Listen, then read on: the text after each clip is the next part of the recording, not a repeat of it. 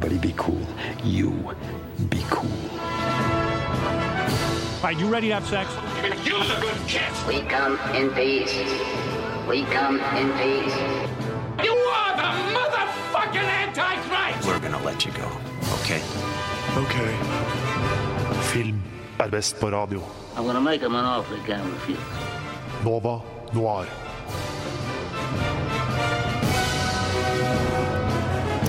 God morgen.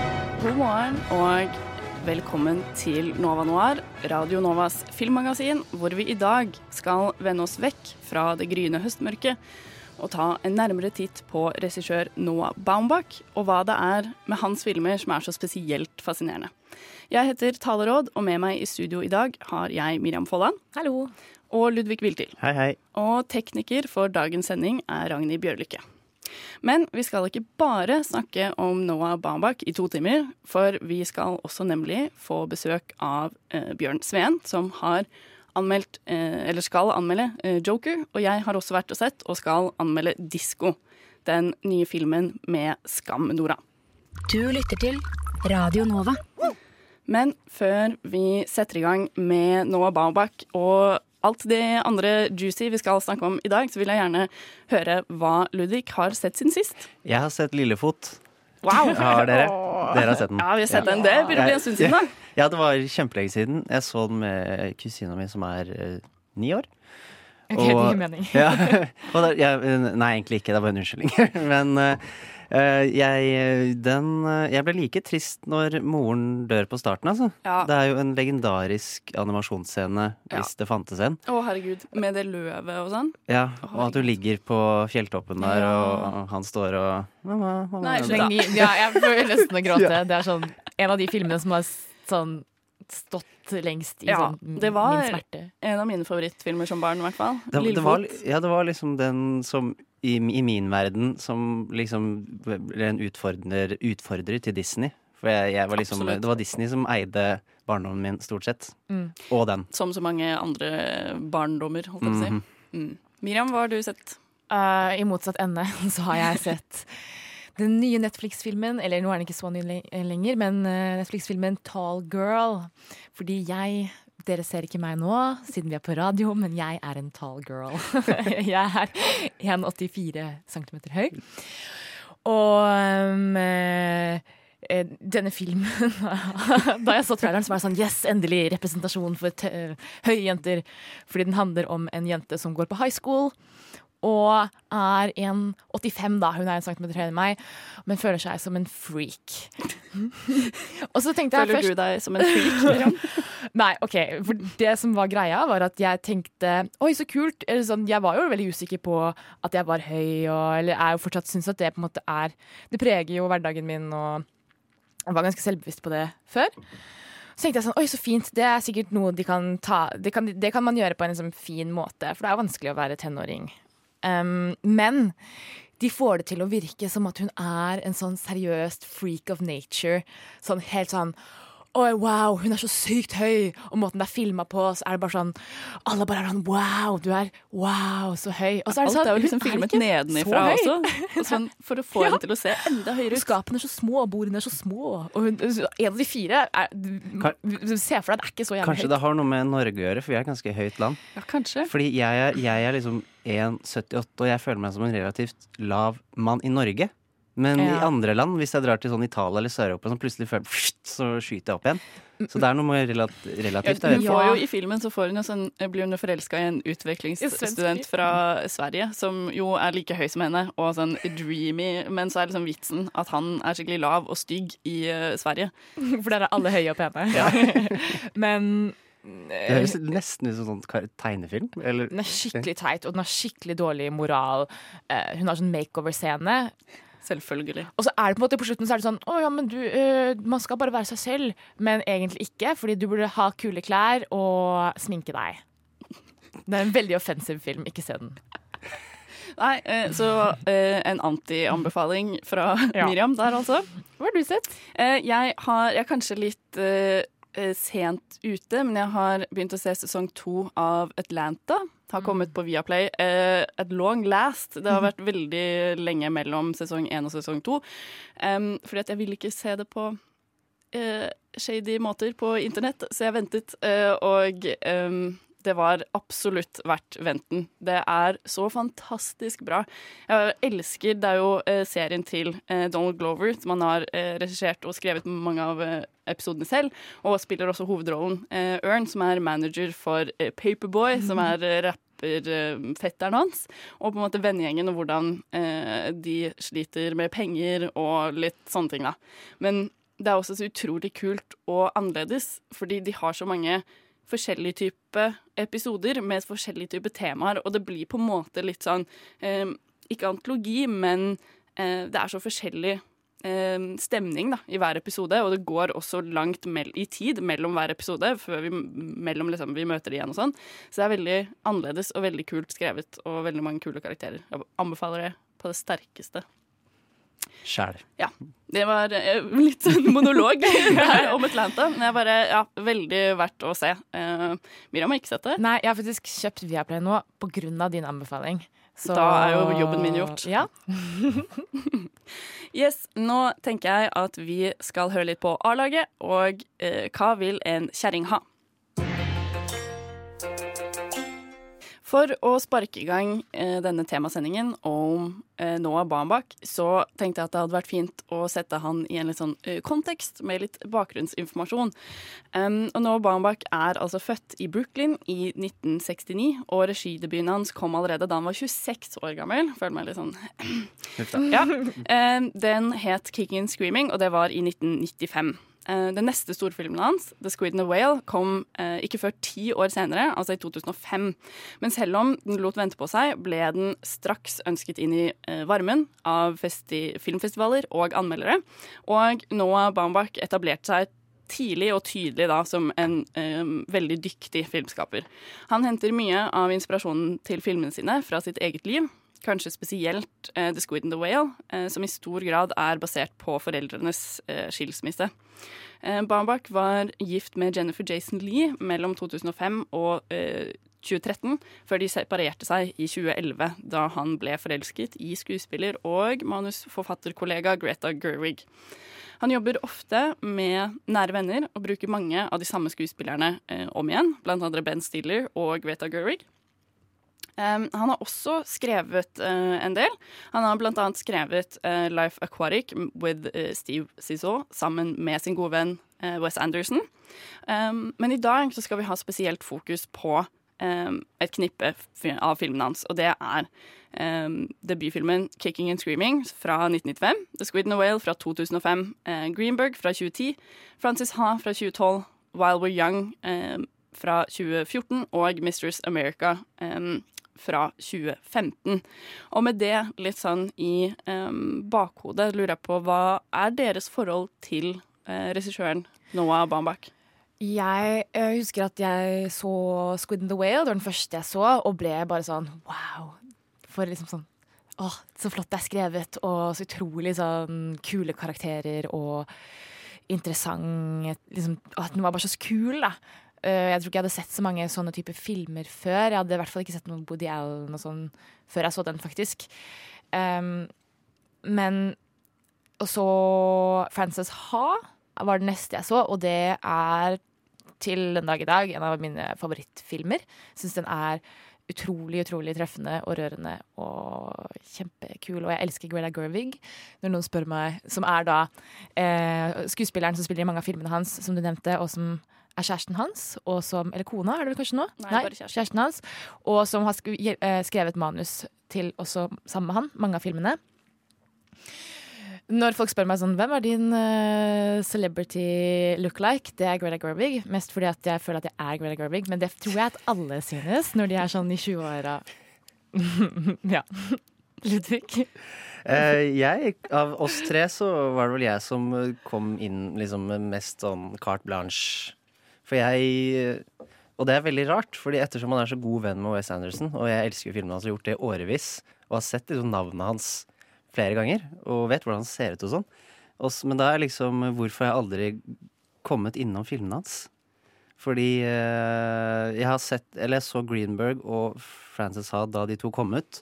Og jeg er ikke, Litt sånn tilfeldig, på en måte? ikke, jeg, jeg er ikke helt sikker på om jeg visste at det var han som hadde lagd dem en gang. Nei, nettopp. Fordi de kom ut Ja, de må ha kommet ut mens jeg gikk på videregående, og da lette jeg liksom aktivt etter litt sånne hipstrete filmer, og den, har, den har jeg sett, og ikke du sett. Eh, Jeg var liksom den, den, det rasshølet der. Eh, men utenom det, så Og de husket jeg nesten ikke da jeg liksom forberedte meg til i dag. Så jeg, jeg er positiv, kan jeg vel si allerede. Jeg har også sett um, litt sånn blanding mellom dere. Jeg også så um, The Squid and the Whale uh, for ganske lenge siden. Altså, jeg var vel 19 eller noe sånt. Jeg tror faktisk til og med da at um, jeg var litt umoden, på en måte, for uh, å følge med på den liksom, raske um, dialogen. Og det er jo ganske mange sånne lag med på en måte ironi og sånn hvem, hvem man på en måte skal eh, være på lag med, da, er litt sånn vanskelig å eh, skjønne innimellom. Fordi at han har jo, litt som vi skal inn på seinere, ganske mange litt sånn utradisjonelle personligheter, og kanskje litt eh, mm, lite likende folk han har lyst til å liksom lage filmer om. Og det er jo ikke helt tilfeldig at du nevner Woody Allen også når du snakker om han, på en måte. Det blir jo litt sånn herre blanding Han er jo en god sånn blanding mellom Wes Anderson og eh, Woody Allen, på en måte. Sånn Ja, bra sammenligning. Ja. Og en regissør som heter Whit Stillman. Som eh, jeg egentlig ikke har sett noe av, men jeg har hørt at han også er veldig påvirket av han. Eh, mye sånn med tanke på dialogen og måten mm, karakterene er, da. Ja, for det er jo på en måte det som kanskje er det mest spesielle med, um med filmene hans, er jo dialogen. Ja. Og dialogen, og jeg syns også temaene er eh, Han tar opp så mange kule, interessante temaer. Og det er på en måte sånn vi har tenkt til å legge opp denne sendingen. Eh, vi har fire hoveddeler hvor vi i hver del skal eh, ha hovedfokus på én film, og så gjør vi det litt kronologisk. Så i den første delen så har vi lyst til å snakke om dialog og manus. Eh, fordi det er på en måte basen for filmen, og det er kanskje det som er mest Eller basen for alle filmene hans. Da. Og det er da med 'Kicking and Screaming' i hovedvekt. Eh, så skal vi over til litt mer sånn temaer, og da har vi seksualitet, identitet og kjønnsroller. Hvor vi skal ha hovedvekt på 'The Squid and the Whale'. Deretter så skal vi snakke om dysfunksjonelle karakterer, og da kunne vi egentlig hatt hovedvekt på hvilken som helst. Men eh, vi syns eh, kanskje at Greenberg var den som definitivt traff best der, og også Mistress America, så vi kommer til å uh, ha hovedvekten der. Og så uh, til slutt skal vi snakke om midtlivskrise, for det med alder og det å bli eldre er veldig sentralt i filmene hans, og da While We Were Young, eller While We We're Young, em, passer veldig fint. Men vi kommer jo til å snakke litt på tvers av filmene allikevel, um, der det er relevant. Ja, Dra litt eh, sammenligninger her og der, der det er passende. Og da er det jo også på sin plass å si at vi kommer jo til å spoile Uh, en del av, eller egentlig alle disse filmene som vi skal snakke om i dag. Men det betyr ikke nødvendigvis at du ikke kan høre på sendingen så, uten å ha sett filmene, og så se filmene senere. For jeg vil si at um, Noah Baumbach har såpass eh, temabaserte filmer og så lite plottorienterte eh, filmer at um, selv om du vet hva som skjer, så er det på en måte en opplevelse i seg selv å eh, se filmene. Sånn at man får utrolig mye ut av, eh, ut av den seeropplevelsen, selv om du vet hva som skjer. Da. Sånn at det ikke blir på en måte mm, skremt vekk. Um, av at vi skal spoile litt eh, og sånn nå. Eh, følg godt med. Det kommer også, som sagt, to anmeldelser litt seinere, og mye spennende som skal skje i løpet av sendingen. Der hørte du Hanne Kolstø med 'Meir'.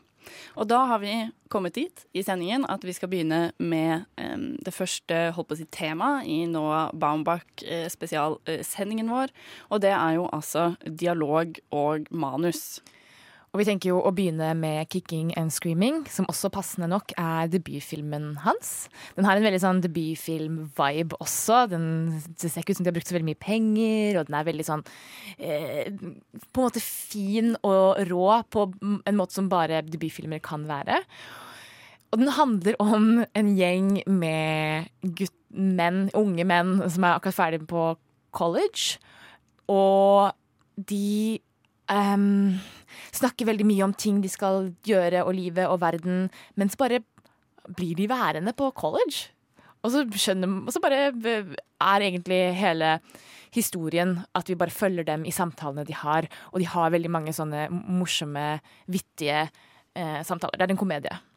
For det er jo også litt sånn Det er litt vanskelig å si hva den handler om, på en Ja, måte. egentlig. Fordi det er så eh, sentra, eller sånn, eh, Det er så mye sånn eh, fokus da, på de samtalene de har, og bare sånn stemningen mellom de kameratene, på en måte. Ja, jeg, har aldri, jeg har aldri følt meg mer som en sånn flue på veggen når jeg setter film, enn den filmen. her. Jeg følte meg liksom som en sånn en av vennene som ikke prater, bare sitter her og, og hører på. Fordi det er jo det som gjør denne filmen spesiell, er at det, er smalltalk. Det, liksom sånn, det, det virker som de har prøvd å lage genuin smalltalk. Så det er den derre rare greia at noen bare sier noe som ikke passer inn i samtalen i det hele tatt. Og så noen sier noe, så blir det helt ignorert. Sånn som skjer i virkeligheten òg.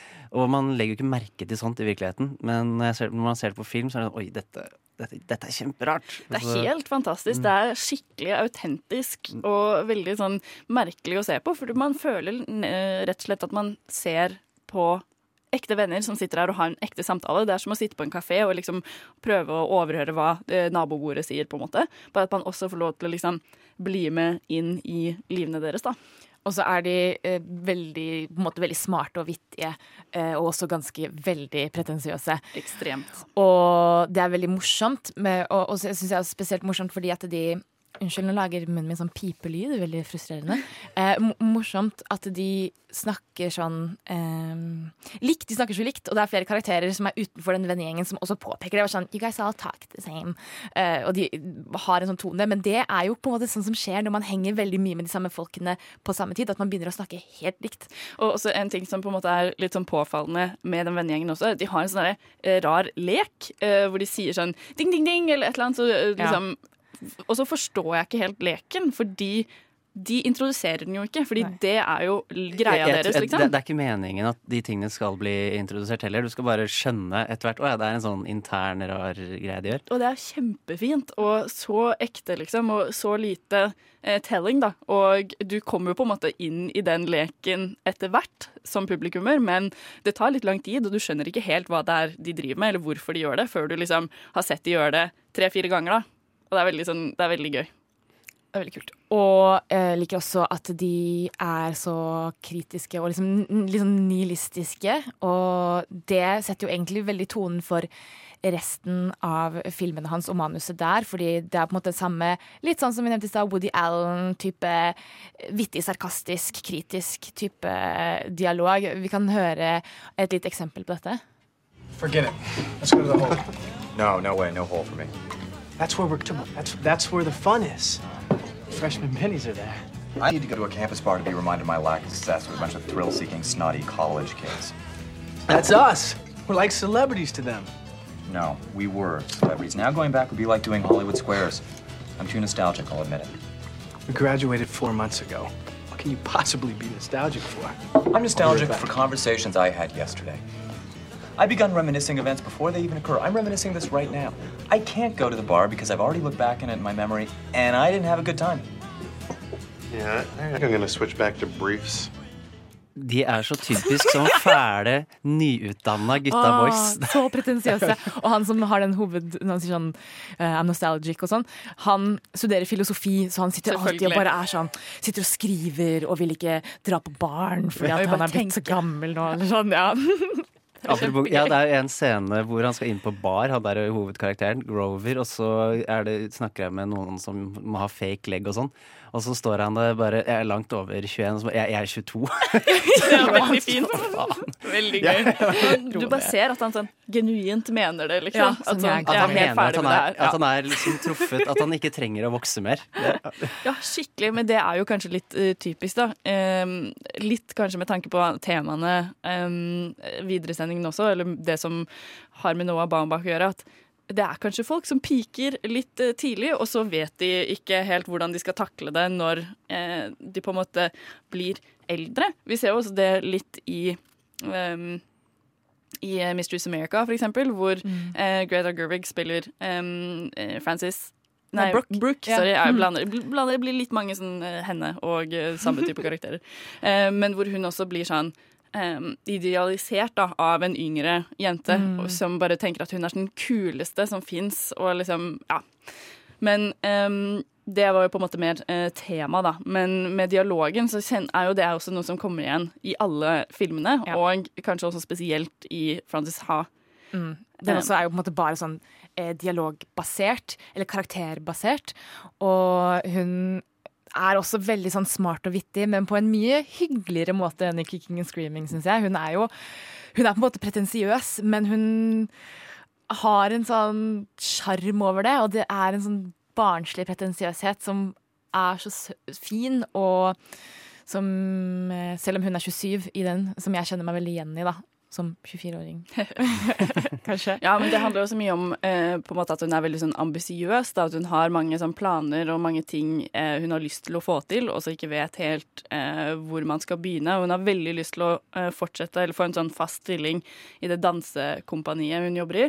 Eh, og så er hun kanskje ikke så flink som hun egentlig tror, og så blir det litt sånn vanskelig. Mm, og vi møter henne jo også når em, hun slår opp med kjæresten, og eh, venninnen vil, med venninnen, ja, venninnen vil ikke bo med henne lenger, og så blir det sånn. Ja, Ja, det er så veldig sånn, sånn. ung sånn «Å, Jeg prøver bare å finne ut av livet, og jeg klarer ikke egentlig å være voksen. Og jeg eh, fikk tilbake penger på skatten, og derfor la, la oss dra og spise middag. Og bare og Den er skik- og skikkelig fin Hun- eh, sånn. Hun er på en måte den, eh, den personen de i Kicking and Streaming kanskje er redde for å bli, eller det er det omvendte problemet. De føler at de har pika på slutten av universitetet, liksom, og hun, hun sliter veldig med å forholde seg til eh, verden etterpå. Selv om det, det har vel gått noen år siden hun gikk ut av college i, i filmen også. Ja.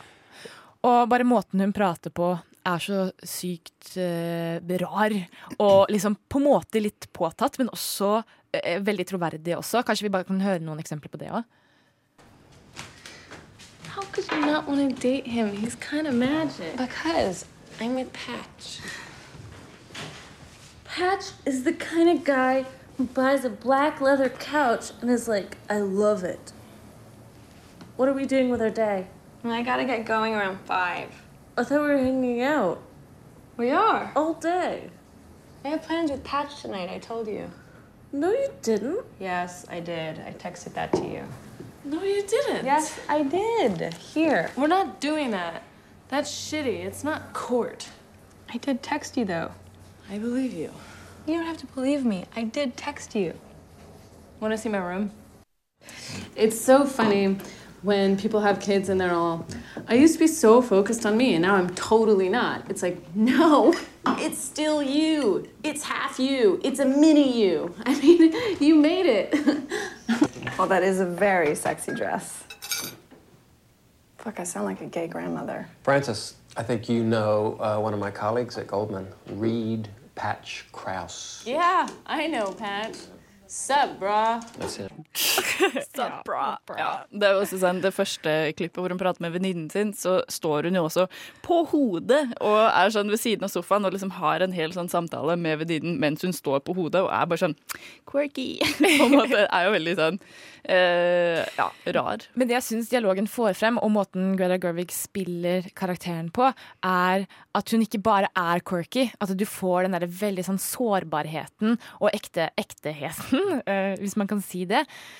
Eh, så hun blir liksom ikke en sånn Manic Pixie Dream Girl-karakter heller, fordi hun blir så Hun virker så veldig sånn eh, all around ekte.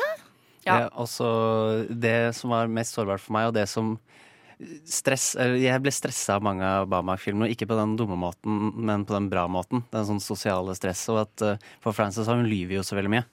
For, eh, for å prøve å opprettholde fjes. Liksom Hun lyver om at hun har, skal bli med i den dansegruppa. Hun lyver om karrieren, hun lyver om alt mulig. Og det er sånn, det, det er sånn dum sånn derre spiderweb som eh, liksom aldri blir løst opp i filmen heller.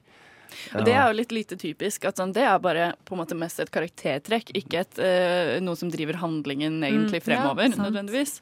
Um, og det også sier jo litt om på en måte nyansen eh, Baumbach sine karakterer har, da. Og eh, da er det på en måte litt interessant at du trekker frem at det kunne veldig lett ha blitt en type sånn Manic Pixie Dream Girl, men hun er på en måte for dyp til det, da. Eller sånn er eh, for nyansert, kanskje, til å være en sånn type karakter, da. Og det er jo veldig mye med manuset og sånn. Og det ligger kanskje i hvordan akkurat denne filmen her ble laget, og som jeg kanskje tror Kick Against Green også ble laget, men jeg vet i hvert fall at Frances Ha ble gjort, er at den er ekstremt eh, sånn naziregissert. Mm. Alt, er, alt av bevegelser, idiosynkritier og, og ting de sier, alt er, alt er i manus. Uh, og det tror jeg Kick Against Dreamer er. Og det er jo de, kanskje de to filmene av Bambak som virker mest improvisert også, og det er ganske interessant. Eh, Jeg har hørt at eh, de, eh, de jo De har skrevet Frances Ha sammen, altså Noah Baumbach og Greta Gerwig, og Mistress America i hvert fall. Og jeg har hørt at de Altså, det er ikke noe improvisasjon.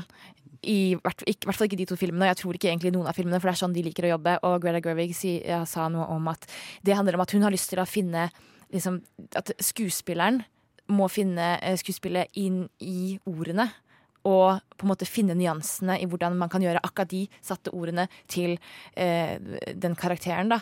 Og det syns jeg var skikkelig fint og interessant. Og at, eh, at de kan få det til å høres så improvisert ut bare fordi at de er veldig dyktige skuesp eh, skuespillere, eller at regien er veldig god. da. Kanskje det er en bra måte å lage quirky og litt maniske karakterer på. For hvis du improviserer det, så ender du opp med liksom prøve å gjøre en sånn karikatur av hvordan sånne mennesker Ja. er i virkeligheten. For de menneskene er jo veldig uforutsigbare og sier og gjør veldig mye rare ting.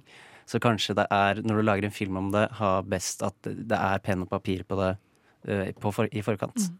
Sånn at du slipper at det blir en sånn uh, Manic Pixie Dream Girl som er ikke nødvendigvis en dum ting alltid, men det kan ofte bli veldig over, Nei, ikke overvurdert, men overdrevet. Litt sånn tilgjort.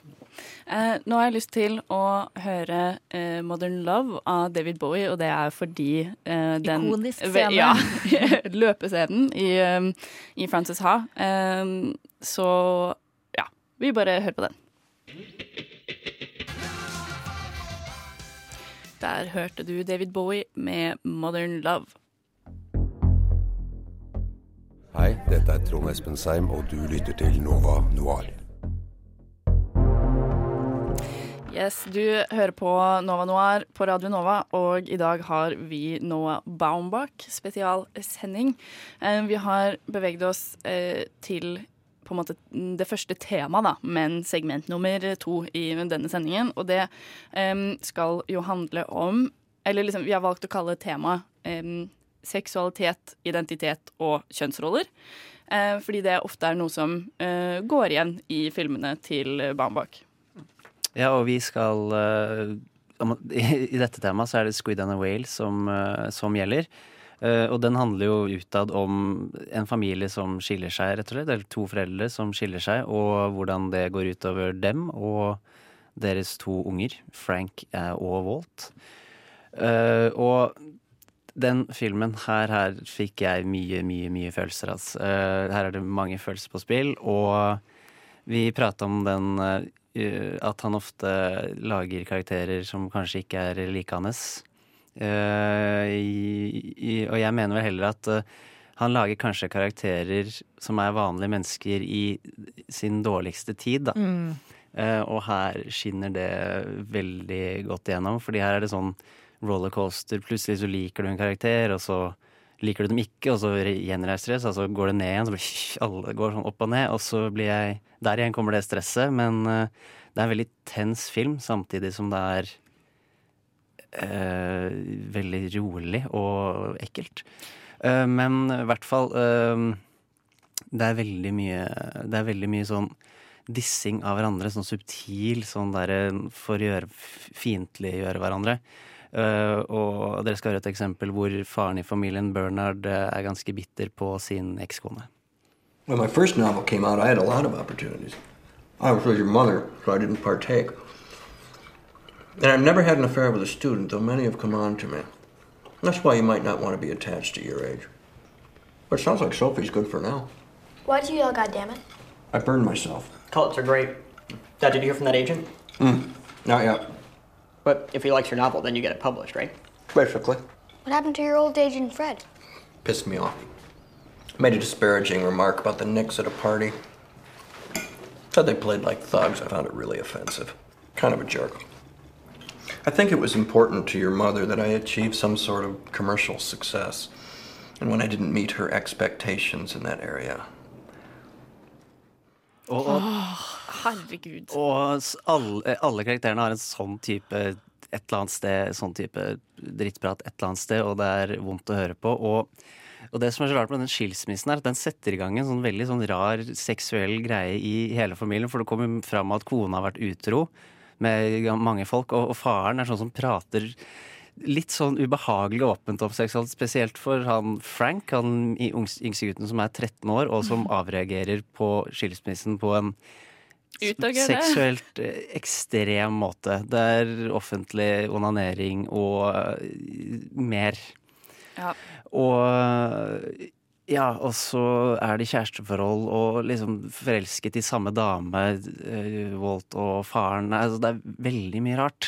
Det, kommer jo veldig sånn tydelig frem, da, eller sånn, sånn som vi hørte i klippet, at Bernard er, Det er veldig viktig for Bernard å ha liksom, barna, kanskje spesielt Walt, den eldste sønnen, på sin side.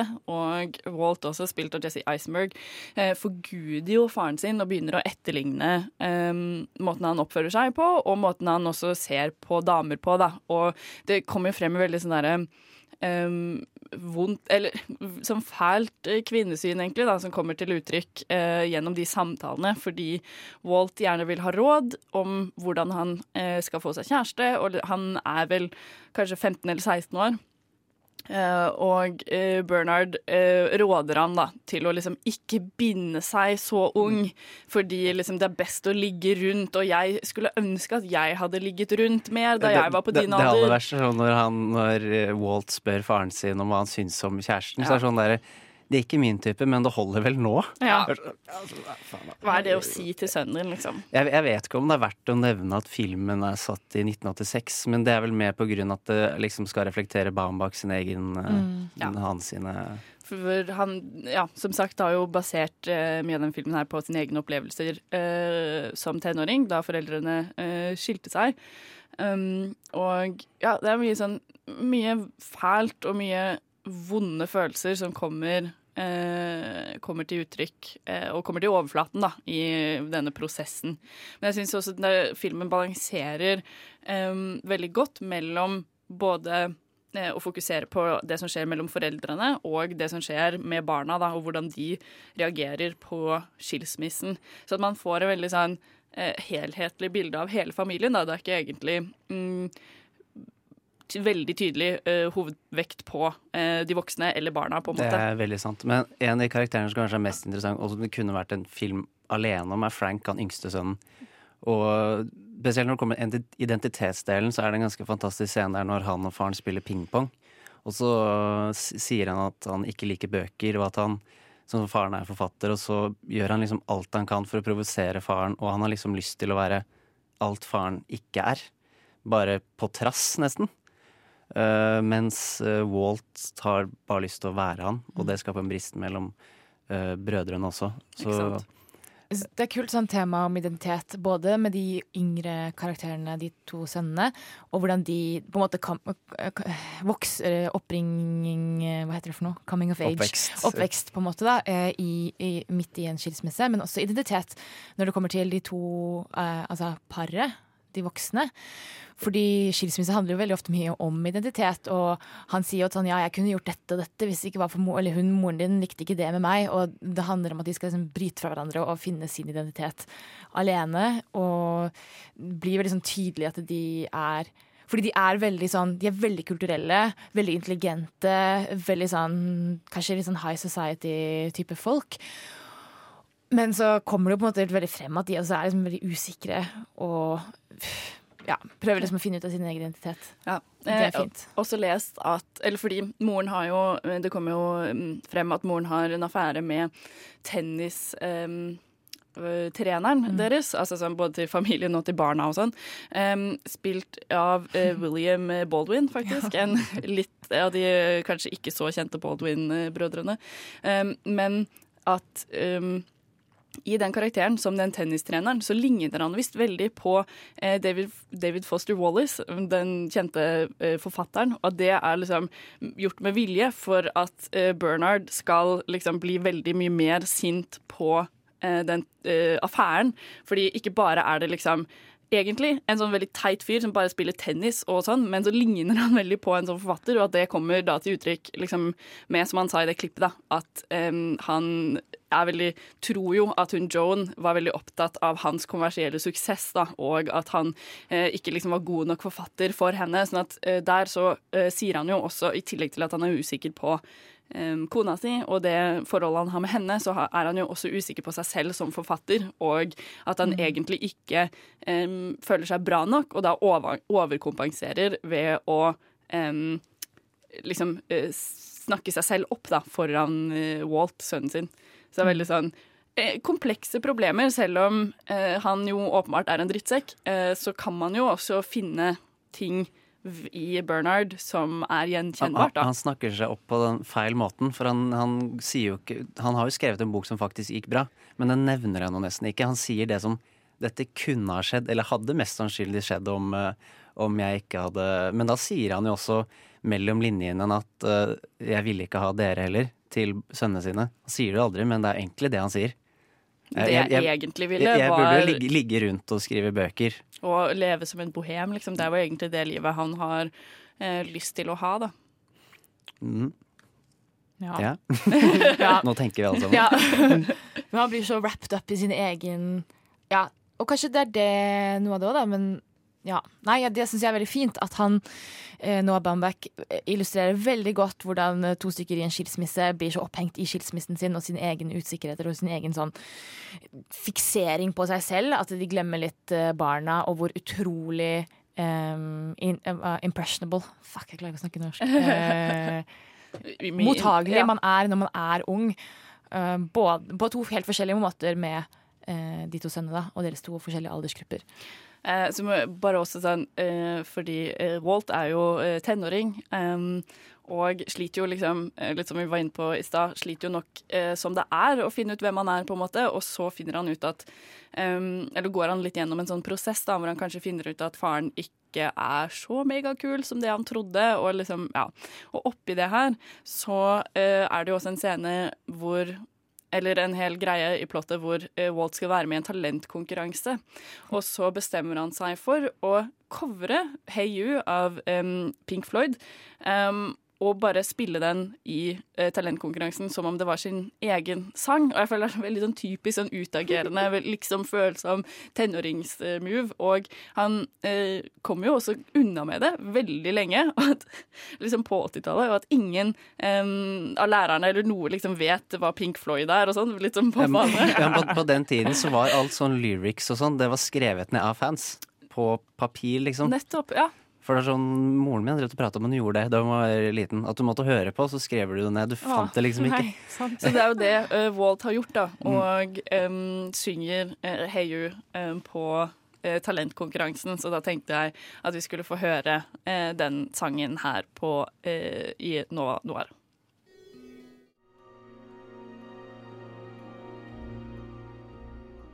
Ukens kinopremierer.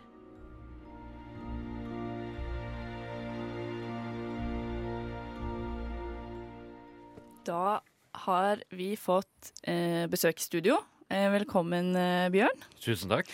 Du har eh, sett Joker. Det stemmer. Eh, Joker handler om eh, Arthur Flick, Fleck, som lever en veldig kjip tilværelse på stort sett alle måter. Spilt av uh, Håkin Phoenix. Arthur, I have some bad news for you. This is the last time we'll be meeting. You don't listen, do you? You just ask the same questions every week.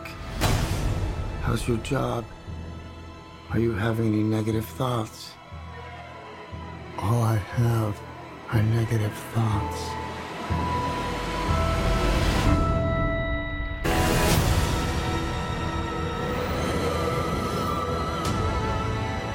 For my whole life,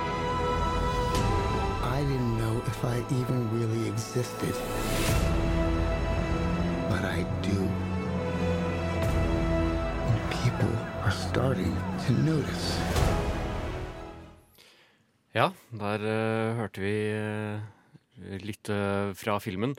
Og um, det var jo kanskje en litt kort oppsummering av filmen som jeg ga der i begynnelsen. Men det, det er med viten og vilje, fordi det er egentlig det du trenger å vite. Det er utgangspunktet som hele, byg, hele filmen bygger på. Og det er jo basert på Batman-karakteren The Joker. Men det her er ikke en superheltfilm. Uh, og det er uh, det er en av de vanskeligste filmene som jeg har prøvd å anmelde noensinne. Fordi uh, jeg skal stille dere et spørsmål. Har man noe ansvar når man lager en film for hvordan den filmen potensielt kan oppfattes? Av publikum? Ja. Ja. Nei. Nei. Nei. Fordi i, på sitt verste så er eh, Joker en eh, nesten samvittighetsløs, uh, umoralsk, gan, potensielt ganske fæl film. Men jeg syns ikke det er det. Men skal vi være på dens, hans side? Hvis den er fæl og umoralsk, er det for å skinne et lys på samfunnet, eller er det for å si sånn Dette er viktig. Eh, det er altså Som samfunnskommentar så er den veldig problematisk. Men eh, det er en utprega gråsonefilm. eh, som er det jeg egentlig liker veldig godt med den. Den tar utgangspunkt i en karakter, og så, har, og så prøver den å bygge et realistisk grunnlag som denne karakteren kan oppstå på. Og siden det da er tittelkarakteren, så er det jo vanskelig å unngå at eh, det kommer fram noen heltemessige tendenser.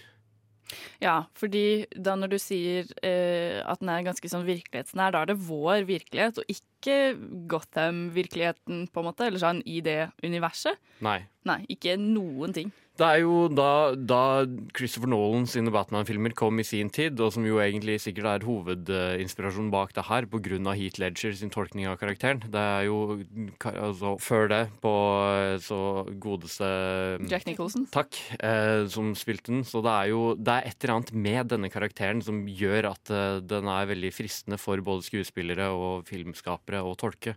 Ja, det skjønner jeg. Og jeg syns, ut fra traileren så syns jeg egentlig at kostymet hans eh, ligner veldig på en sånn krysning mellom Jack Nicholson og Heath Ledger. Eh, altså kostyme, da, med den lilla dressen og sånn liksom fra 80-tallet. Også den eh, sånn smudga sminken og sånn som Ja, jeg vet ikke, det, jeg syns det var en veldig sånn Ser veldig stilig ut. K Eh, krysning er nok et stikkord. Ikke bare i det antrekket, men i hele filmen. For den er jo dypt satt i Martin Scorsese-verden på enkelte måter. Men også er den også veldig innenfor Sam Esmiles uh, Mr. Robot. Den, uh, den tar og blander fra egentlig veldig mange forskjellige popkulturelle virkeligheter og stemninger og estetikker. Og får allting liksom sånn typ pakka inn i den her superheltkarakteren som eh, jo det er, det er ingen superheltting i filmen. Eh, den, den nærmer seg ikke egentlig superheltfilmterritoriet, så hvis du er lei av superheltfilmer, så kan du fortsatt helt fint gå og se The Joker. Eh, det er jo eh, Todd Phillips som har regien på det, og det her er uh, egentlig hvorfor jeg synes den er veldig, veldig sterk, fordi med det i hodet at uh, Så det er egentlig, hvis du skal gå og se den, så vil jeg nesten at uh, de som skal gå og se den, skal huske på det også. Todd Phillips han regisserte The Hangover 1-3. Han er egentlig en fyr med komedisk bakgrunn, og Spennende. filmen heter jo Joker. Og den er jo ganske sånn basert på både Taxi Driver, men kanskje mer påfallende for min del, sånn The King of Comedy, sånn Martin Scorsese-film, med Robert De Niro i hovedrollen. Robert De Niro spiller jo også i denne filmen. Og mesterlige fremførelser eh, over hele planet, og en eh, vanvittig kul hommage til, uh, til Scorsese-filmen, og den filmen partikulært. Eh, og det er noe med eh, Når du husker på det, og du husker på det at, eh, at Todd Phillips egentlig er en komedieregissør Det her er en antikomedie, men det er ikke en trykkende antikomedie. Den, den er tidvis smertefull å se på, men den er også på en eller annen måte sånn Den tar de punktene der du ellers ville, der du ellers, ellers ville ha forløsning for å le, og så fortsetter den å klemme. Men det uten at det blir liksom sånn typ regelrett ubehagelig. I hvert fall det meste av tiden å sitte og se på den. For den er også utrolig vakkert uh, spilt inn. En veldig estetisk, gledelig og fin, eh, tight opplevelse. Det eneste som jeg egentlig har å trekke på, er at det noen ganger blir litt skuespillerrunk med Joaquin Phoenix. Men forstår det også, fordi hans prestasjon i rollen er eh, den, den passerer nok Heath Ledger sin, som Oi. jeg ikke trodde Sterke påstander her i Nova Noir. skulle skje. Men tror du at den er eh, Oscar eh, For eksempel Oscar-potensiell? jeg, jeg, eh, Det ville ikke overraske meg Mm. i det hele tatt. Spennende. For det, det er noe med miksingen av formatet, og som jeg sier, det er liksom den, den første kanskje ekte antikomedien som jeg noensinne har sett. Uh, det, det er Så det er liksom I det å skulle anmelde den her, så er det må jeg, jeg, må jeg trekke inn den der samfunnsmessige tingen, eller kan jeg bare se det som den uh, komediske uh, kommentaren og den popkulturelle kommentaren og den stemningsleken og utførelsen og skuespillerprestasjonen som den egentlig er? Eller må jeg liksom henge meg opp i det at uh, kanskje ikke alle potensielt burde se den? Jeg vil påpeke at det er sånn derre I vitenskapelig øyemed så har det aldri vært noe forskning som har tilsagt til, til, uh, at uh, det er uh, farlig å se film på noen som helst måte. Men hvis det er en film som det er farlig å se, så tror jeg nesten det er den her. Fordi den depresjonen og isolasjonen og den tilværelsen som Arthur Fleck er, lever i, som til slutt driver ham ja, inn i hovedplottet på fortellingen. Jeg syns det var tungt. Jeg kjente det på meg som person da jeg satt der, og jeg tror det er mange som kan gjøre det, så med mindre du er forberedt på det. Hvis du har en litt kjip periode, kanskje ikke gå og se den. Kanskje vente litt. Og hvis, når du har sett den, kanskje se en litt hyggelig film etterpå også, fordi den er veldig tung. Når det er sagt, så er det Jeg sliter med å trekke filmen for det. Og den ender opp med å også bli sinnssykt bra. For den er så tight og godt uh, gjennomført. Så jeg har litt lyst til å trekke den, men jeg klarer ikke, og jeg ender opp med å gi ti av ti. Wow! Og jeg skal dra og se den igjen i 70 millimeter, fordi eh, Ja, jeg det tror er det hot, er eh, eh, sinnssykt hot kult. tip. Eh, Den Joker blir jo altså vist på Cinemateket, som Bjørn sier, i 70 mm eh, frem til i hvert fall 20. oktober. Så det er verdt å få med seg. Jeg var inne og sjekka eh, billettene i går, og det er mange mm, visninger som fremdeles ikke er utsolgt. Men det går fort. Det, Ja, altså, det de går fort, 70 så- mm-filmene. Hvis du har lyst til å se den, burde du kjøpe det snart. Ja. Nei, tusen takk, eh, Bjørn. Ti av ti til Joker der, altså.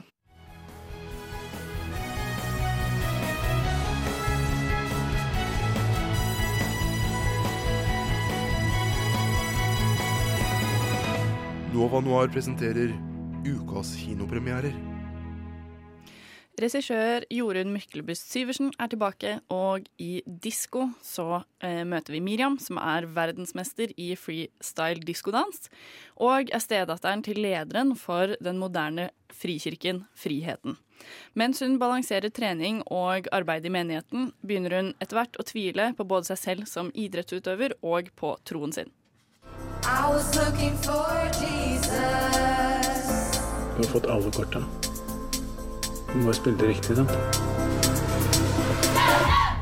Han har noe helt eget planlagt for deg.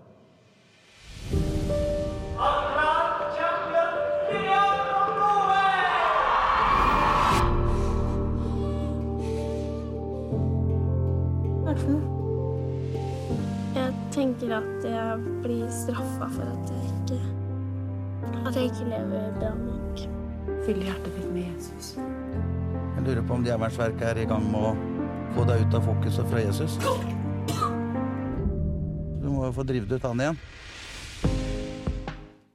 Ja, der hørte vi altså Josefine Frida i hovedrollen som Miriam. Hun er jo eh, åpenbart bedre kjent eh, som Skam-Nora, og gjør i Disko eh, sin spillefilmdebut. Eh, og med seg, eller eh, som ja, med seg på laget eh, så finner vi oss og eh, Nicolai Klevebrok eh, og Andrea Breien Hovig og Kjersti Odden Skjeldal. Det er jo Nicolai Kleve som spiller stefaren hennes, og som sagt også den lederen for den frikirken hun er med i. Og veldig mye av filmen sentrerer seg rundt eh, Miriam og eh, følelsene hennes rundt troen sin. Da vi får veldig inntrykk av at hun eh, tviler, og at hun kanskje slutter å tro på Gud, men uansett hvor hun snur seg, så får hun bare høre at eh, hun må leve bra nok, og hun må gjøre det bedre, og hun må eh, fylle hjertet sitt enda mer med Jesus. Eh, sånn at hun får på en måte ikke de svarene hun vil ha, da, eller den eh, kanskje utfordringen hun trenger fra et annet miljø, eller en annen, eh, et annet input. Samtidig så får vi også veldig mye eh, se veldig mye fra det diskodansmiljøet, som også er veldig spennende. Sånn at det er to veldig, eh, for meg i hvert fall, fremmede miljøer som på en måte spleises i denne filmen. Altså diskodansmiljøet og eh, et sånn kristent eh, miljø. Og de to blir vel på en måte presentert egentlig som veldig forskjellige først, og skal på en måte liksom være kontraster med diskodans og Jesus. Men jo mer liksom, vi kommer inn i historien, jo tydeligere blir det at de miljøene egentlig er ganske like. Um, at det er veldig eh, mye flash og glitter og sånn glam um, i begge miljøene. på en måte, At det er veldig mye som er sånn fake. da, Fordi friheten er en veldig sånn moderne um, frikirke som lener seg veldig på eh, lyskastere og mikrofoner og sang og eh, sånn neonlys og røykkastere og liksom, ja, veldig mye sånne flashy greier, da. Men fordi filmen er religionskritisk, antar jeg, men, men gjør den det på en relevant og også um, på en måte hensynsfull og fruktbar måte? Jeg syns det. Altså, eh, Myklebust Syversen har gjort utrolig mye research i forbindelse med den filmen her, og hun har snakket Altså, den er basert på eh, veldig mange samtaler hun har hatt med mennesker som har brutt ut av religiøse eh, miljøer, og dette er liksom et kan være eh, veldig mange av de eh, skjebnene vi møter og ser i Miriam, hvordan det er å eh, være ung og så innvikla i det her miljøet og egentlig har lyst til å bryte ut, da, men ikke nødvendigvis får muligheten. Og det også at um, har basert, altså regissøren har basert um, filmen på liksom samtaler hun har hatt, og da får også filmen et sånt uferdig eh, preg, fordi fortellingen er ikke helt ferdig enda. Eh, man møter liksom Miriam bare i eh, et, eh, i en del da, på en måte av hennes ungdomstid. Sånn at det fører også til at filmen ikke nødvendigvis har så veldig sånn tradisjonell oppbygging da, og dramaturgi som gjør den på en måte litt annerledes og kanskje litt um, uvant for et tradisjonelt publikum. Veldig sånn kunstnerisk filma, veldig mange flotte eh, scener og eh, bilder. Veldig mye eh, fokus på på at Miriam tenker og er rolig og liksom stille og ser Du ser liksom hvor vondt hun har det da, i ansiktsuttrykkene sine og sånt. Um, Men du syns det er positivt at den er litt utradisjonell? ja, jeg syns det, fordi um, det er en litt utradisjonell historie, og da kler det den godt at det er litt sånn um, annerledes dramaturgi, da. Ja, altså et spørsmål, eh, noe jeg lurte på da jeg hørte traileren og hørte om den. Skam-Nora har jo blitt en litt sånn eh, veldig sånn karakter. Hun er veldig eh, en type, da. Og når jeg hørte traileren og så den, så fikk, høres det veldig ut som Skam-Nora. Og jeg lurer på, klarer Josefine Frida Pettersen å liksom trekke seg ut fra Nora og bli en Miriam, da? Dessverre så syns ikke jeg hun gjør det. Um, som litt vi hørte i traileren også, så er det veldig eh, den måt, samme måten å snakke på, og den samme måten å liksom presentere um, dialogen sin og problemene sine på, på en måte. At det blir veldig sånn eh, ja, karikert eh, på en eller annen måte. At eh, det virker ikke så veldig genuint, egentlig, for å være helt ærlig. Um, hun greier på en måte ikke å komme seg helt vekk fra den eh, breie Drammensdialekta, eksempel. Eh, at sånn eh, Nicolai Kleve Broch og eh, hun som spiller eh, moren Moren til Miriam, Kjersti Odden Skjeldal, snakker også veldig sånn pent og vestkant Oslo, og da er det veldig sånn rart at hun at Miriam da, ikke snakker likt som dem, at hun har den der brede eh, dialekten, på en måte. da.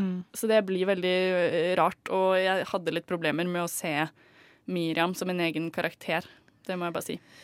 Og med tanke på at den er så drevet av karakter Det er jo bare det er jo karakterdrevet, altså det er henne den handler om. Hvor mye syns du det påvirket filmen i en negativ retning? Eh, det påvirket den ganske mye, vil jeg si, eh, egentlig. Så det er eh, litt det jeg har lyst til å på en måte trekke filmen for i karakter. Um, når det er sagt, så er alt det andre så innmari bra, så det gjør det litt sånn ekstra synd, egentlig, at um, Josefine Frida ikke greier å bære eh, filmen alene, da, egentlig. Eller sånn, fordi så mye Uh, som du sier, er liksom fokuset er på henne så mye av tiden, og jeg føler ikke helt hun greier å uh, bære det på skuldrene sine, da. Um, samtidig så er jeg veldig sånn nysgjerrig på henne som skuespiller, og jeg gleder meg veldig til å se hva annet uh, hun får til. Kanskje det var litt uheldig at den første spillefilmen hennes, uh, langfilmen, da, var en litt mer sånn herre kunstnerisk uh, type mm, Hadde litt mer sånn kunstnerisk uttrykk, da. Men eh, når det er sagt, så er Nicolai Kleve Broch så fantastisk bra. Altså sånn, jeg, Han er bare en sånn karismatisk pastor, da, eller sånn eh, type mm, person i denne filmen her. Og det bare er så utrolig gøy å se på, fordi det er så annerledes enn alt han liksom har gjort tidligere. Og han kler det så utrolig godt. Jeg tror skikkelig godt på han. Og jeg tror på alle de andre karakterene også. Um, og derfor så er det litt uh, uheldig at um, Josefin Frida ikke er så um, god som jeg skulle ønske at hun var, egentlig. Um, filmen tilbyr jo også et sånt annet perspektiv med at hun blir jo invitert med til en, en ny menighet uh, i håp da, om å kanskje finne svar der. Og det er jo der um, Andrea Brein Håvig også kommer inn på en måte i plottet, da. Eh, hun kjenner vi jo også fra eh, En affære og eh, Mm. diverse andre, er også veldig god i denne filmen, og som veldig sånn utvikler seg til å bli en veldig sånn skummel karakter, egentlig.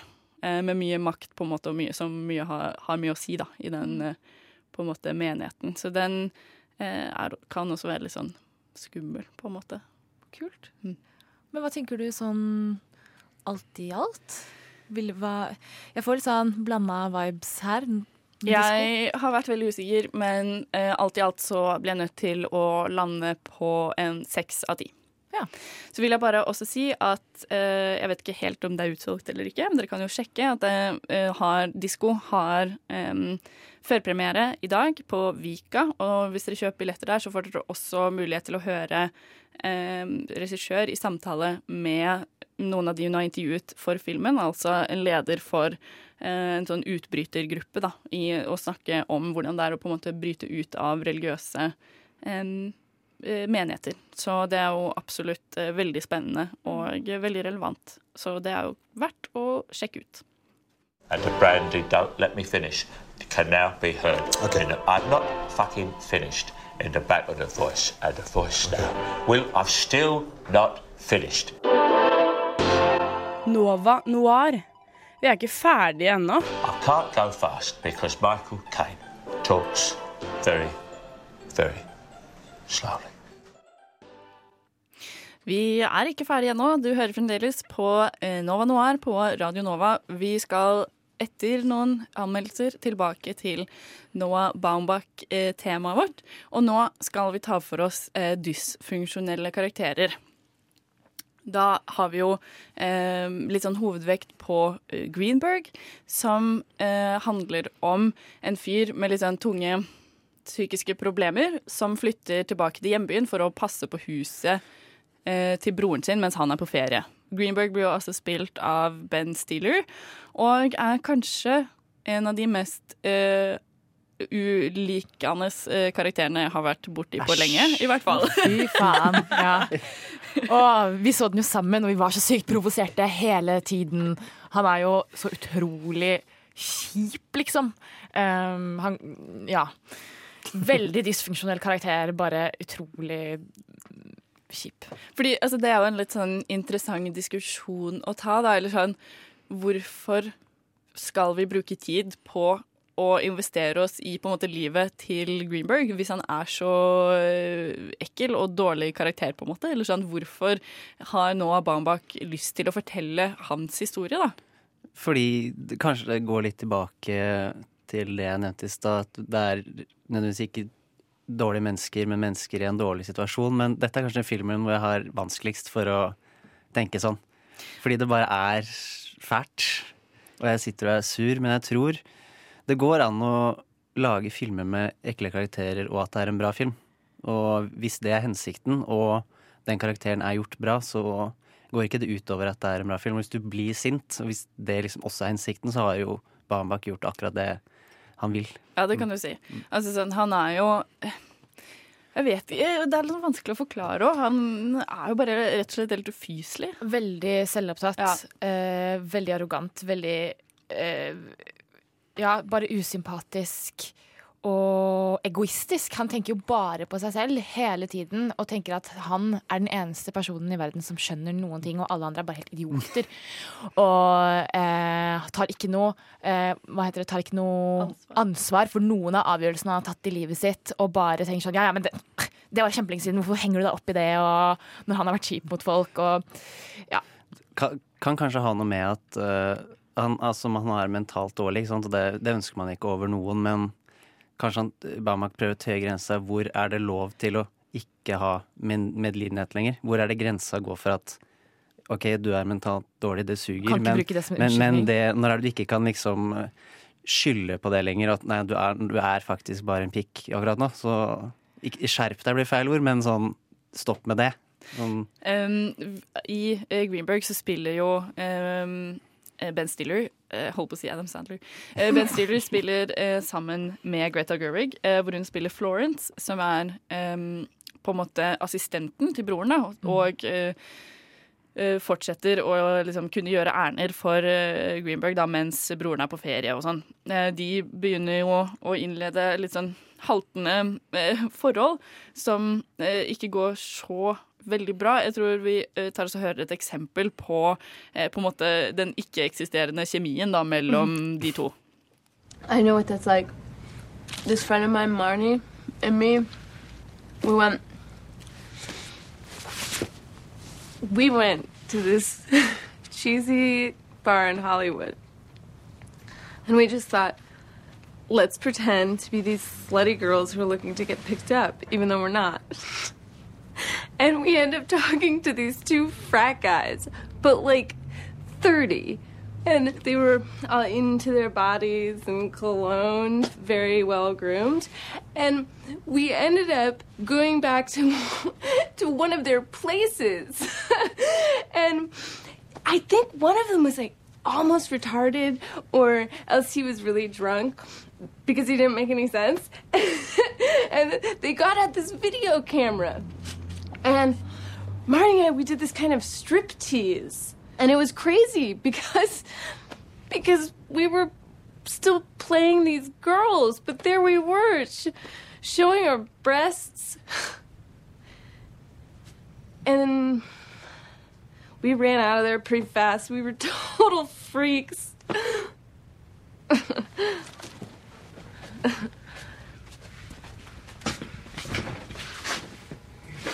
You never have anything good to drink. Yeah, that's like the stupidest story I've ever heard. Thanks. Just... Bye. What? What is the point of that story? Han er, altså, er jo hun også litt dysfunksjonell. Hun er jo litt sånn Hun, hun er jo veldig ung i forhold til han. Hun er sånn tidlig i 20-årene og Åpenbart tester grenser, på en ja, måte. veldig, og prøver å sjokkere. Og han er bare sånn Klarer ikke å prøve å liksom være sympatisk eller forstå det på noen som helst måte. Og blir jo bare sjalu, på en måte. Eller sånn, Ja. Fordi hun representerer alt han ikke greier å være. på en måte. Eller sånn, Han har jo så lyst til å øh, få en øh, connection da, med noen, og Mm. så greier han ikke det, uansett liksom hvor mye han prøver. Og sånn, vennene hans vil egentlig ikke henge med han lenger, og han får liksom ikke kontakt med noen. da, Og så greier han liksom på en eller annen merkelig måte å sjarmere Florence litt, og så går hun med på å um, date han, på en måte. Og så forteller hun en historie som det her, og så blir han bare så utrolig fornærmet over uh, at hun liksom kan tenke på den måten, eller om sex, og liksom Ja, han blir jo veldig sånn uh, tatt ut av eh, den opplevelsen, på en måte. Men det er veldig morsomt, han, jeg føler at han også sånn generelt har liksom problemer med å, hennes seksualitet i det hele tatt. Sånn, hvis vi går litt tilbake på det, eller litt med det vi snakket om med seksualitet forrige tema, og eh, det er jo tydelig et eh, tema her også, at hun på en måte snakker om noen hun hadde sex med, og, liksom, hvem, hvem hadde, du- og, og så blir han liksom stressa av at hun har sex, og det er en greie med at hun har et sånt uh, forkjølelsessår, eller sånn herpes, da. Eller hun har ikke det, men han er sånn, hva er det på leppa di etter at de har kyssa? Og hun er bare sånn, Altså, han, eh, nei, det er bare, jeg bare plukker leppa. Og så, det er en veldig sånn ting hvor han blir veldig sånn in, eh, Hva heter det for noe? Eh, ut, satt ut av at hun er liksom seksuell, da. Og det, Det, som, det som stresser meg så innmari mye med karakteren Greenberg, er at han blir stressa absolutt alt som har med sosialt samvær å gjøre. Uh, Det er liksom ingenting som han kan svare normalt på. Uh, ingenting, nesten. Og da blir det sånn uh, Da blir det litt mye for meg, akkurat den filmen her. Det er liksom ikke noe sånn fnugg av jeg, Eller jeg finner ikke det fnugget hvis, hvis det er der, da. Fordi både uh, Bernard i Squid and the Whale, altså der går det an på en måte allikevel å finne noe reason da, bak hvorfor han gjør de tingene han gjør, hvorfor han sier de tingene han sier, men Greenberg er bare helt ute av det. Han har jo ikke noe kontakt med på en måte virkeligheten, egentlig, eller sånn eh, i sosiale settinger, da, i hvert fall. Jeg syns kanskje vi får litt innblikk i det i, på slutten. Eh, når han har en fest hjemme hos seg. Eller ikke han, men eh, niesen Eller hun Ja, det blir veldig. Niesen hans kommer hjem og er ung og har en fest med masse unge folk. Eh, så, og hvor eh, han begynner å prate med de, og du merker kanskje bitte litt at du, du får litt den der sårbarheten, og at mye av det handler bare om at han er egentlig veldig stressa for å bli eldre. Og at han, ikke, og at han føler seg veldig sånn lost, da. Og det knytter jo eh, litt inn i Walbur Young, som vi skal snakke om senere. Og litt det der med å liksom midtlivskrise og sånn. Og da syns jeg at vi liksom får et lite glimt, men det er all- all- allikevel ikke nok til at man føler egentlig noe sympati med han.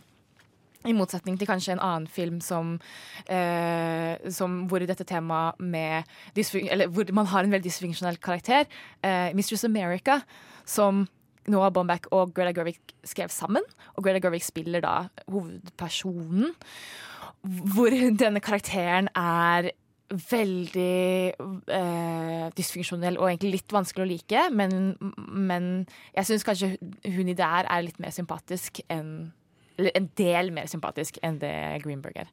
Ja, men jeg vet ikke jeg, Jo, hun er liksom lettere å like fordi hun er mer sånn eh, feminin sjarmerende, hvis du skjønner, og sånn litt mer eh, quirky, og eh, søker jo på en måte eh, menneskelig kontakt på en litt annen måte enn det Greenberg gjør. Men sånn, jeg syns ikke hun er så veldig sympatisk, egentlig. Hun er jo bare Hun går jo Altså, eh, for eh, Mistress America handler jo om um, Brooke, som er spilt av Gre eh, Greta Gerwig, eh, som møter den nye på en måte potensielle stesøsteren sin, da, em, Tracy, spilt av Lola Kirk, eh, hvor de får et em, plutselig sånn forhold, da, fordi eh, Tracy er 18 og føler seg veldig sånn lost uh, i college og kommer ikke inn på en måte i det miljøet der, da, og eh, finner en venn da i, uh, i Brooke, som er vel 27 Nei, jeg Nei, men ikke. eldre, ja. som er over 30 eller noe. Ja. Uh, som er veldig sånn kul og har liksom eh, tilsynelatende alt på stell, da. Og hun ser veldig opp til henne fordi hun er så kul, og hun eh, er på en måte mye av det hun sier er mye av det hun tenker New York er. For hun er bare, hun drar på fester og lever livet og er ung og har masse ideer og masse energi og er sprudlende. Og bare sykt kul, da, syns Tracy. Um, men det jeg syns skiller eller gjør at hun er mer sympatisk, er at hun er ikke aldri, aldri liksom slem mot noen. Jeg syns ikke hun er sånn at hun er kjip mot andre folk. Nei, det er sant. Hun, okay, er bare, hun er bare Ja. sånn Jeg trenger sykt mye oppmerksomhet hele tiden, og jeg prøver å finne ut av livet mitt, men jeg klarer det ikke, for jeg har bare ideer og ingen gjennomslagskraft. Altså, ja, ja, for hun er så sykt eh, selvopptatt. Det er sånn eneste måten hun liksom er veldig ulik Altså Det er en frekt i seg selv å ignorere andre i samtaler og sånn som hun gjør. De der smågreiene der, der ble jeg sånn kjempe kom igjen, da. Ja, Faen. det er, jeg blir veldig stressa av å se på eh, Mistress America, fordi det er også eh, veldig sånn lite plottorientert.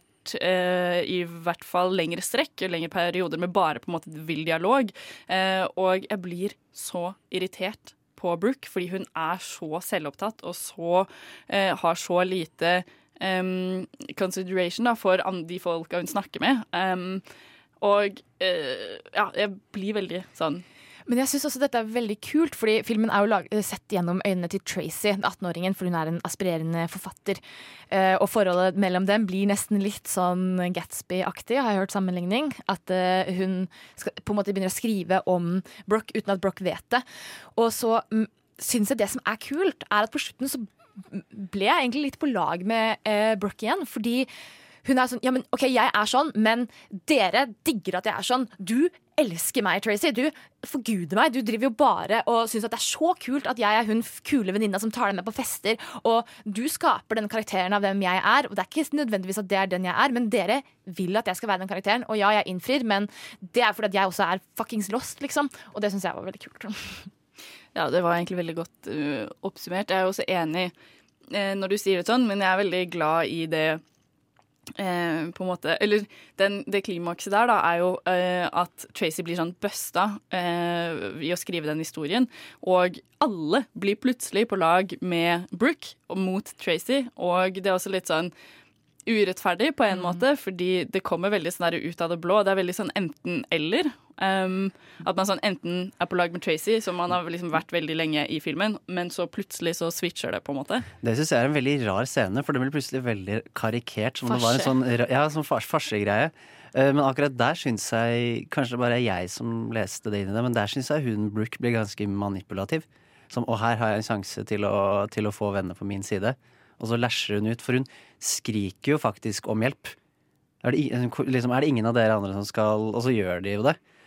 Eh, Så jeg, jeg ble egentlig mer Team Tracy enn Brooke på, etter den scenen. Eller når alt kom til alt.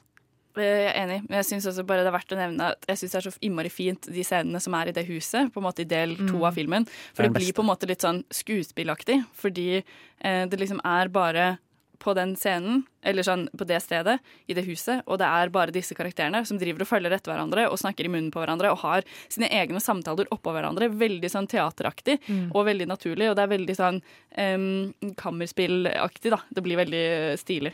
Ja, enig. Mm, Men jeg har bare lyst til å vise um, litt av det jeg mener med måten um, Brooke eh, er på og snakker på, og hvordan hun på en måte forholder seg til andre mennesker i, uh, i samtaler og, og sånn. Jeg har lyst til at vi skal høre på det her. Is he your boyfriend, the bassist? Nate? No. My beau, Stavros, is in Greece right now, betting against the country or something gross. Don't tell anyone that. I won't. I'm good at keeping secrets. You'll learn that about me. He's the kind of person I hate, except I'm in love with him. I've been to a Greek Orthodox Easter, and I could totally see myself getting married in that kind of church. you got a honey? Nah, there's this one guy we got rejected together, but he's got a girlfriend. They all have girlfriends. Actually, I think he met me and then he got a girlfriend. This summer at my job, this one guy just sucked on my boobs all night. My restaurant should do a pierogi. Fusion pierogi. You like yours? Mm, what's my second dinner? Just a quick tweet on Twitter. I'm very into social media. You have to market yourself. If you don't know what you're selling, no one will know how to buy it. What are you selling? So many things. I don't tweet all of it. Like, here are two ideas that are not on the internet. If I did a cabaret, it would be called High Standards, and I would sing all the standards. Would you sing them in a higher pitch? No, it wouldn't be about. It's about principles, those kind of high standards, like one of those string of pearls, and that's why I'm a single gal kind of show. Oh, that's clever. The second idea is a television show, which I've read is the new novel about a woman who's a government worker by day and a self invented superhero by night, but it's like the essence of America. It'll be its own mythology. I think maybe it'll be called Mistress America. It sounds like she's America's girl on the side. I don't know, okay? I'm not positive. These are just some ideas. Oh, me too. I'm sorry. I don't know anything. I was just throwing something out there. We need a sleepover party. Ja, Der ser man jo også hvordan hun hopper veldig Ja. fra sånn ting til ting. Og sånn, hun inviterer til en samtale. Eh, sånn 'Har du kjæreste?' Og så svarer hun, og så bare ignorerer hun. Sånn, eh, 'How's your pierogi?' Sånn, 'Hvordan er maten din?' Det er veldig sånn eh, rart og litt sånn lite mm, eh, considerate, på en måte. Men jeg syns også eh, at hun er jo aldri liksom slem. Hun er bare selvsentrert. Hun bruker jo aldri Tracy på noen måte. Og derfor så er jeg, bare for å komme litt tilbake på det, uenig med dere om uh, at eh, det er liksom hun som var den kjipe på slutten. Fordi ja, hun brukte aldri Tracy, eh, utenom kanskje liksom oppmerksomhet, men hun viser henne jo til byen. Tracy er kjempeensom, og så bruker Tracy henne som en mus. Og hva, hvis du hadde funnet at noen du trodde var vennen din, bare hadde brukt deg for å skrive om deg, og så skriver du egentlig en ganske kritisk, kjip uh, analyse av hvem du Karik- kar Karikert ja. versjon av hvem du er, som du har fått inntrykk av hva da, du har hengt med meg i to uker, liksom. Uh, og ja, jeg, og så syns jeg, sånn som dette klippet illustrerte hun har så mange ideer, og hun vil så mye, uh, men bare får det ikke til. Og det er så utrolig Så syns jeg det er så morsomt eh, Sympatisk. En sånn måte hun er dysfunksjonell på, er at hun mener at alle liksom tenker er det, er det samme som seg selv, skal være like liberal som liksom. Det kommer fram at hun har klina med en eller annen sånn bandmedlem på en fest, og hun gir inntrykk av at den egentlige kjæresten hennes syns det er helt cool fordi han er sånn kul, men han syns jo ikke det, og så dumper han henne, liksom, og det blir hun og så blir hun sjokkert, sånn oppriktig sjokkert. over Hun skjønner ikke hvorfor hun har blitt dumpa. Og det er en veldig fin scene, fordi hun sitter og kliner med han eh, bassisten på en fest, og så er det noen som tar bilder av henne, og det er jo, derfor, det er jo måten han kjæresten finner ut av det på. Men ø, det hun sier, er liksom Hun snur seg til Blitzen og bare sånn Must we document everything? Must we? Og det er bare sånn hun gjør det samme. Ja. Men jeg syns hun er pretensiøs og teit, men også bare utrolig fin og sjarmerende eh, egentlig samtidig. Fordi at det er på en litt sånn whimsical måte. Ja. Så det, det, jeg syns ikke hun bare er en uh, uh, Selv om de tingene hun sier er liksom sånn Å, jeg er kul og prete... Altså, liksom. jeg, jeg hun- mener jo at begge er, har gjort feil, Ja. og begge er litt uh, rare. Men jeg blir irritert på nesten samme måte når jeg ser på henne og når jeg ser på Greenberg. Mm. Eh, at sånn, jeg, jo, jeg blir oppriktig sånn Hva er du for noe, på en måte? Men også kanskje litt mer ekkelt å se på det med, eh, med Brooke, fordi eh, man sikkert noen ganger kan kjenne seg litt igjen i at sånn Ja.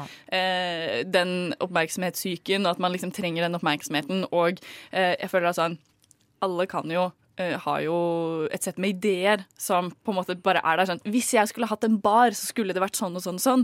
Eh, Eller hvis jeg skulle hatt en bokkafé, eller liksom et eller annet sånt, så har du planlagt det oppi hodet, på en måte. Men hun bare legger Alle har gjort det, men hun, måten hun presenterer det på, er bare sånn Jeg er den eneste som har tenkt på dette, og dette er min greie, og jeg har så mange ideer, og alle andre bare stjeler ideene mine. Og så er hun på en måte Hun er sånn prinsippfast når det gjelder alle andre, men ikke seg selv, da.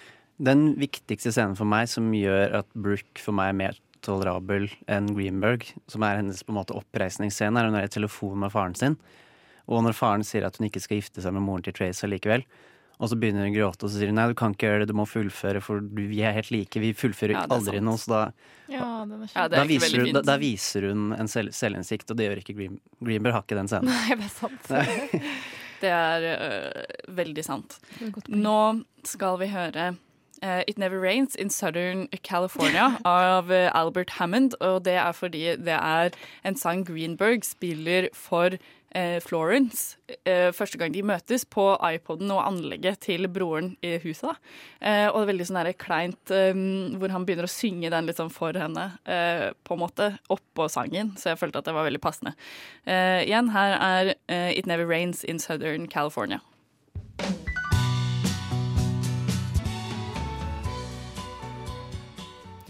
Albert Hammond med It Never Rains in Southern California.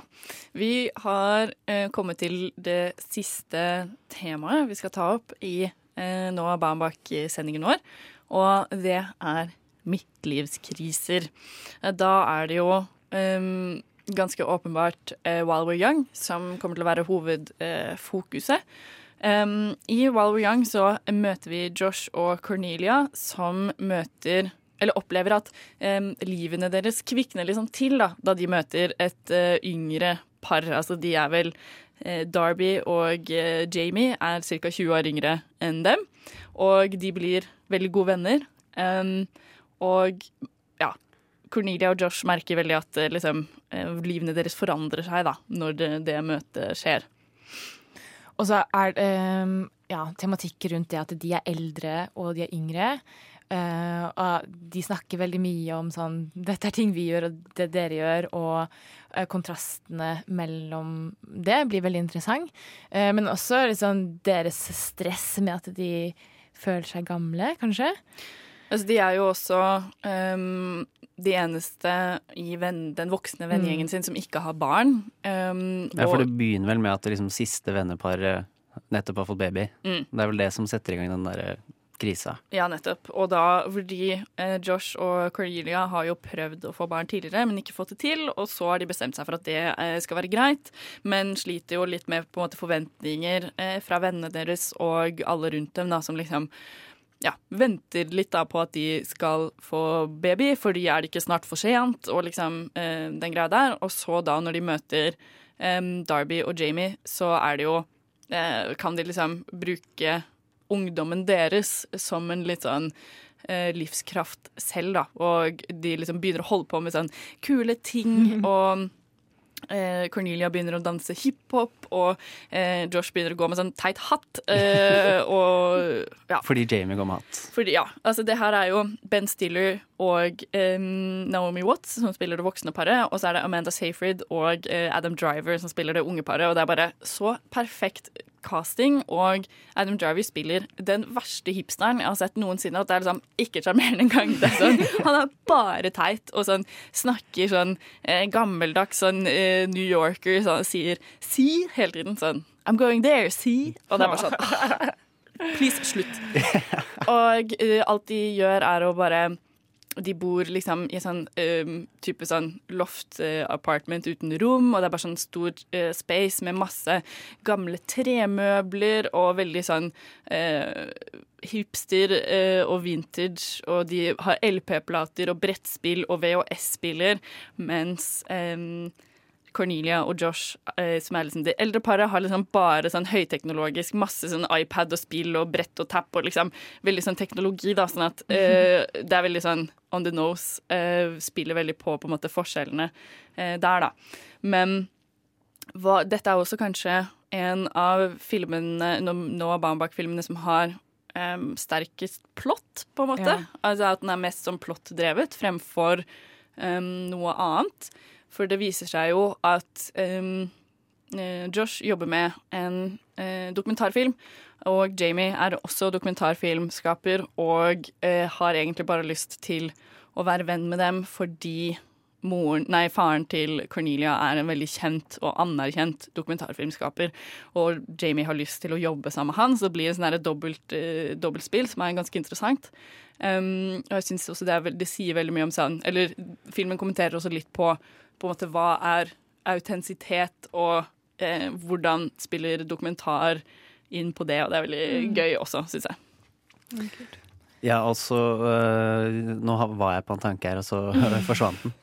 Uh, men det er, en, øh, det er kanskje et tegn på den filmen her at uh, Baumbach også begynner å bli litt eldre. For jeg Mm. føler liksom at han uh, gjennom kamera kjenner seg mer igjen i, i de eldre enn han gjør Ja, de altså jeg føler at mye av greia er jo egentlig å gjøre litt narr av de eh, unge. Eh, og, eller kanskje litt sånn gjøre litt narr av begge, Mm. men eh, kanskje spesielt de unge. At man ser jo på en måte Dette er jo um, det, en av de nyeste Baumbach-filmene, uh, og at det går fra veldig sånn ehm, college og sånn unge voksne eh, på en måte til å liksom portrettere håper jeg, ordentlig voksne, da, i gåstegn, eh, folk i 45-alderen.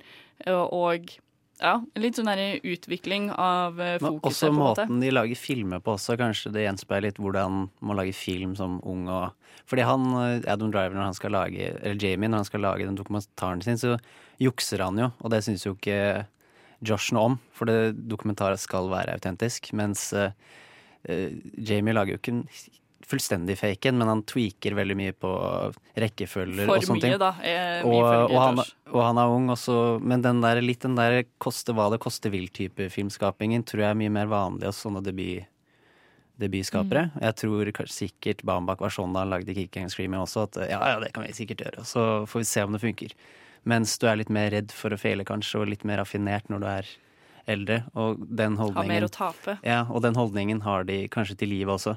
Nei, jeg er ung, jeg kan godt feile, tenker Jamie, mens Josh er sånn der, nei, jeg må lage noe bra nå, hvis ikke så Og, men jeg jeg vet ikke, men det er ikke nødvendigvis at han er så eh, At Noah Baum- Baumbach er kritisk til den måten å være ung på. Fordi veldig ofte så uh, virker det jo som om de, de unge Altså det er jo noe de eldre savner litt. Og at det er i den derre krasjen mellom at uh, du er noe som jeg ikke lenger er og skulle ønske jeg var. Uh, Det opp, oppstår en sånn spenning og en sånn surhet, eller sånn, det surner da, for de eldre. Spesielt i Greenberg, kanskje, merket jeg det veldig. Og, um, og, og- men også sånn Squid and the Whale og Bernard og hvordan han er overfor barna sine. Og sånn, ja. Eh, spenningen imellom det at jeg er eldre, og du bare av å eksistere og være sånn som unge folk er, så er du dust fordi at eh, jeg ikke er sånn lenger. Eh, Jeg har lyst til å høre et klipp uh, fra While We're Young. Det her er når um, Josh og Cornelia um, på en måte forteller om Darby og Jamie eh, for første gang til, eh, til sine håper jeg, å egentlige voksenvenner. da. We're the boring couple with a baby. What have you guys been doing? Tell us something fun. Oh, we met this interesting couple, Jamie and Darby. He's a young documentarian, and she makes ice cream. I don't know what to make of them, honestly. I like her. They make everything. It's infectious. For about 12 hours, I thought I could build my own desk. There's something about being around them that energizes you, you know? How old are they? 20 25, 26. 26, 27. They're children. Yeah, nine years ago they couldn't vote. But they're married. Why? You should see this guy's record collection.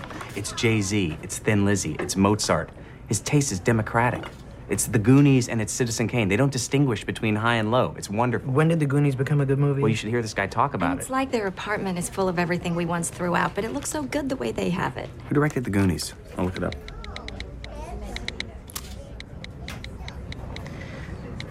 Why is it that when one person picks up their phone, everybody else has to? I just have a quick thing. The baby. Richard Donner. Ja, så ser du jo også at de på en måte gjør litt sånn narr av um, ja, bruk av teknologi, da, og at kanskje um, den eldre generasjonen er mer eller i hvert fall sånn som det blir portrettert her, da, mer på en måte opptatt uh, av det, mens uh, liksom de i midten av 20-årene er sånn mer på en måte vekk fra sosiale medier og mer i kontakt med uh, virkeligheten og liksom det som er ekte og autentisk, på en måte, da. Men, men i, den der, i den strevingen etter å være autentisk, så blir de liksom veldig inautentiske Nettopp, også. ja. Og det er det som er veldig morsomt. En, en sånn beskrivende scene der helt på slutten når det er en sånn derre galla for faren til Cornelia. Mm. Eh, og, og han, faren liker jo dokumentaren til, til Jamie selv når han får vite at det har vært mye eh, juksing der. Så han på en måte, den eldste og den yngste er på en måte likere enn de i midten. Fordi han yngste på en måte, han er på bånn på den måten at han er helt fersk og må jobbe seg. Og han eldste er kanskje ikke lei, men liksom ferdig. Så de er på samme stadie. Ja, men det er ikke så farlig, liksom, tenker han. Så det er en sånn livssyklus-greie der, da.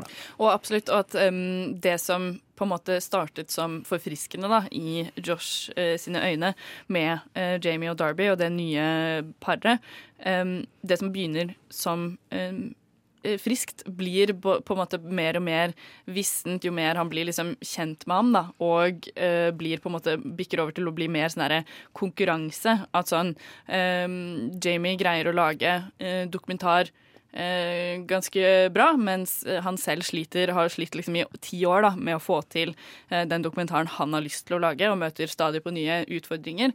Og så blir det en sånn ekstra greie når Jamie får god kontakt med svigerfaren til Josh, og eh, som de aldri egentlig helt likte hverandre, og det blir en sånn eh, fra et veldig sånn beundringsperspektiv på en måte, til å bli mer sånn konkurranse. Og der er jo også veldig den der midtlivskrise-tematikken veldig sånn tydelig, da.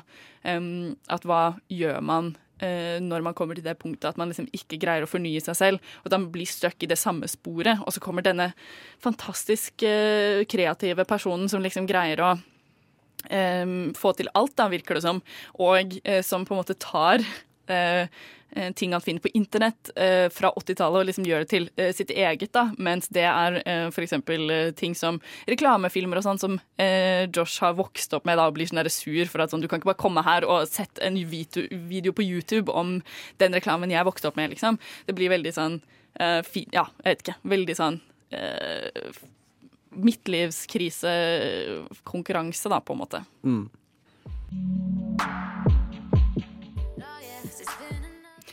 Der hørte vi Jean Aiko med passende eh, nok sangen 'While We're Young'. Eh, blir litt oppspilt eh, av å snakke om disse filmene som jeg eh, er veldig glad i, så det ble litt brå avslutning før sangen, men sånn er det. Um, jeg har hatt det veldig fint på sending med dere i dag. Ja. Vi har tatt opp de beste, kanskje, filmene fra nå og Baumbach. I hvert fall en god startguide hvis du ikke har sett noen av filmene hans før. Um, vi har jo altså da eh, snakket om Kicking and Screaming, eh, The Squid and the Whale, Greenberg, eh, Francis Ha og While We're Young og Mistress America.